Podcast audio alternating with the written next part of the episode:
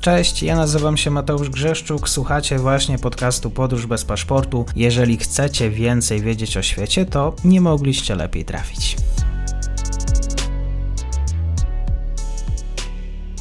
Dzień dobry wszystkim słuchaczom. Dzisiaj jesteśmy w Afryce, jeżeli Afryka, profesor Andrzej Polu z Uniwersytetu Wrocławskiego. Dzień dobry, bardzo mi miło. Dzień dobry panie redaktorze, dzień dobry słuchaczom. Siły pokojowe otworzyły ogień do protestujących w Kongo przeciwko misji ONZ. Może na początek tylko dla wyjaśnienia słuchaczom, kongijskie władze, kto pełni władzę w tym kraju? No, rządzi partia UDI PS e, i Felix Tshisekedi jest, e, jest, prezydentem, e, jest prezydentem Kongo. Chodzi o Demokratyczną Republikę Kongo, a nie o Republikę Kongo, Kongo, Kongo Brazzaville, gdzie właśnie przebywa Siergiej Ławrow w tej chwili i dąży do konfliktu dyplomatycznego z Zachodem w Etiopii, kiedy ułożył spotkania ambasadorów państw przy Unii Afrykańskiej na ten sam moment, kiedy amerykański Special Envoy również z nimi ułożył spotkanie i będą musieli wybierać, czy spotkają się z Ławrowem, czy z reprezentantem administracji amerykańskiej. Ale może wizyta Siergieja Ławrowa to zupełnie inny, inny temat. Pozostawmy zatem na inne spotkanie. Może słowo misji stabilizacyjnej Organizacji Narodów Zjednoczonych w Demokratycznej właśnie Republice Konga. To jest 28 maja 2010 rok.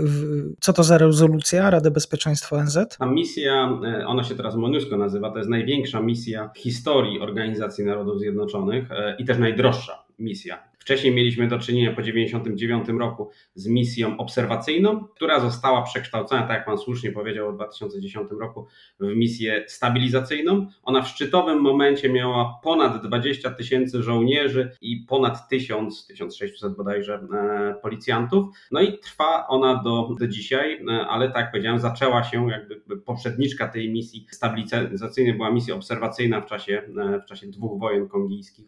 I ONZ, no robi wszystko w ostatnich latach, żeby obniżyć jej koszty i żeby obniżyć personel, który, który, który obsługuje tą misję. Tak jak powiedziałem, z tych szczytowych dwudziestu kilku tysięcy żołnierzy, obecnie na misji jest, jest około 12 tysięcy żołnierzy i 1600, 1600 policjantów. No i co będzie pewnie, wyjdzie nam w rozmowie, ONZ sam mówi, że ma zbyt małe siły, żeby powstrzymać rebeliantów we wschodnim Kongo, którzy nękają ludność, e, ludność cywilną. To jest, rozumiem, miasto Goma.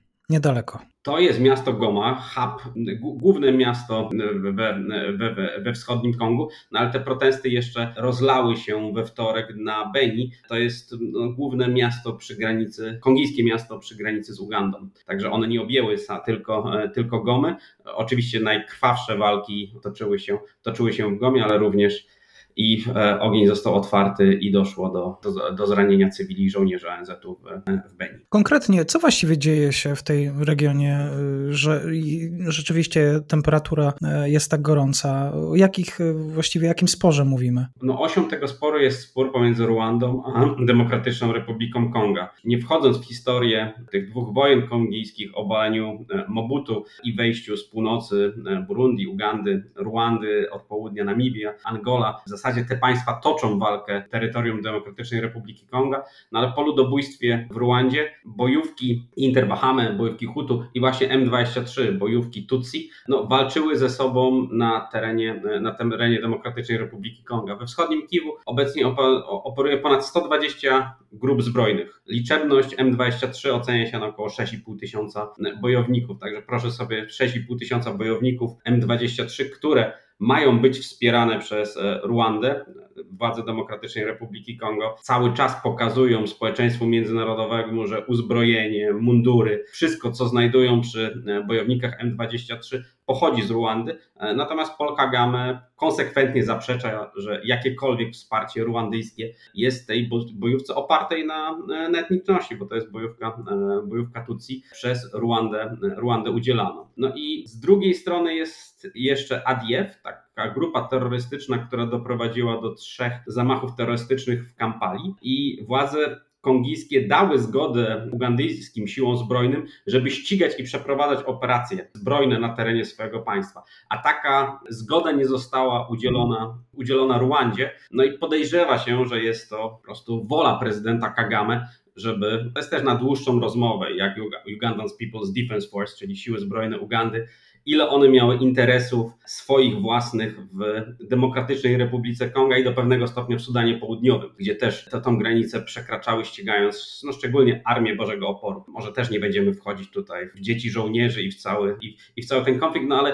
ważne jest to, że konsekwencją dwóch wojen kongijskich jest to, że we wschodnim Kongu operuje obecnie 120 grup e, zbrojnych. One się w głównej mierze posiłkują dostępem do surowców naturalnych, które są sprzedawane na rynkach międzynarodowych. No, główny rynek jest w Gomie właśnie, gdzie te, gdzie te surowce są, są sprzedawane. Przechodząc chyba do, do, do, do takiej bezpośredniej przyczyny tego, że ludność wystąpiła przeciwko e, ONZ-owi, przeciwko, przeciwko tej misji, o której rozmawiamy, że zostały spolądrowane magazyny, że komputery zostały skradzione. No my mamy zdjęcia reporterów, którzy byli na miejscu i widzimy tam kongijskie siły e, policyjne, które nie reagują. Wręcz mówi się o tym, że broń została tym siłom policyjnym wyrwana i to z tej broni zostali postrzeleni żołnierze, e, żołnierze ONZ-u.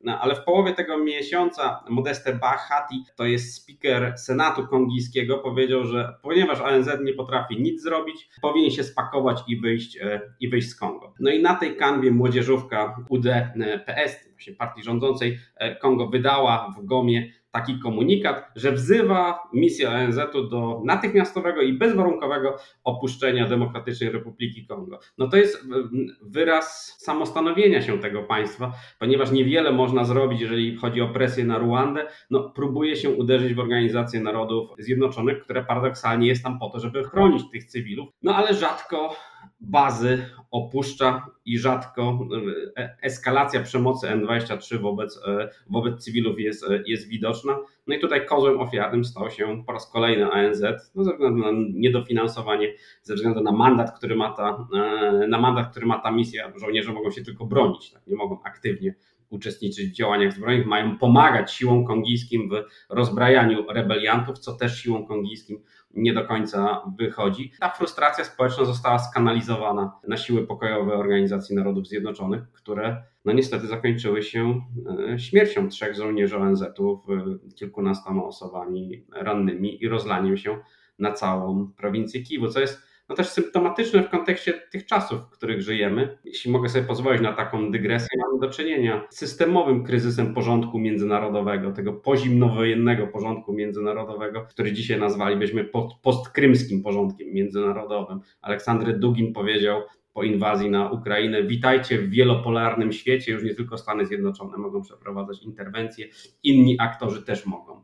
Rosja, będąca gwarantem porządku międzynarodowego z miejscem, stałym miejscem w Radzie, w Radzie Bezpieczeństwa podważa ten porządek, no i podważa też samą istotę Organizacji Narodów Zjednoczonych, która staje się no, kozłem ofiarnym również ze względu na swoją nieefektywność, również ze względu na to, że najdroższa i jedna z najdłuższych misji ONZ-u no nie spełniła tej funkcji, którą miała spełnić. To znaczy nie ma już sił e, obcych państw na terenie Demokratycznej Republiki, Republiki Kongo. Przeprowadzono wybory w Demokratycznej Republice Konga, ale na pewno sytuacja we wschodnim Kiwu nie jest, e, nie jest ustabilizowana. A jeszcze na początku lipca Rwanda, właśnie Demokratyczna Republika Konga, zgodziły się na proces całej deeskalacji, więc. Zgodziły się na deeskalację.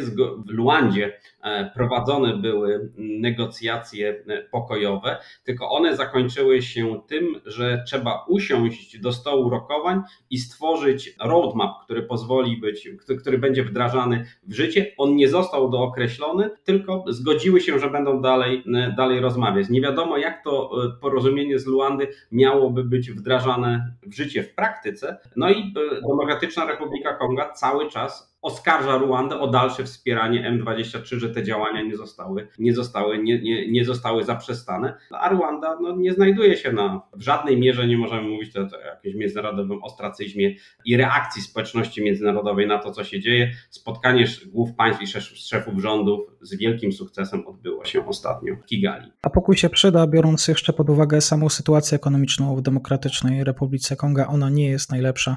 Jeśli chodzi o sytuację gospodarczą, państwo e, kongijskie zwiększyło wpływy budżetowe, co jest skorelowane ze zwyżką cen surowców naturalnych, które są głównym towarem eksportowym Kongo. Kongo jest największym producentem obok Zambii miedzi w, Afryce Subsaharyjskiej. Te wszystkie metale ziem rzadkich również znajdują się w Demokratycznej Republice Kongo. No i państwo udziela licencji na wydobycie, jest, są różnego rodzaju podatki, które korporacje międzynarodowe aktywne w Kongo mają, mają płacić. No ale problemem jest właśnie redystrybucja tego dochodu narodowego i dotarcie szczególnie do, e, do, wschodniego, do wschodniego Kongo.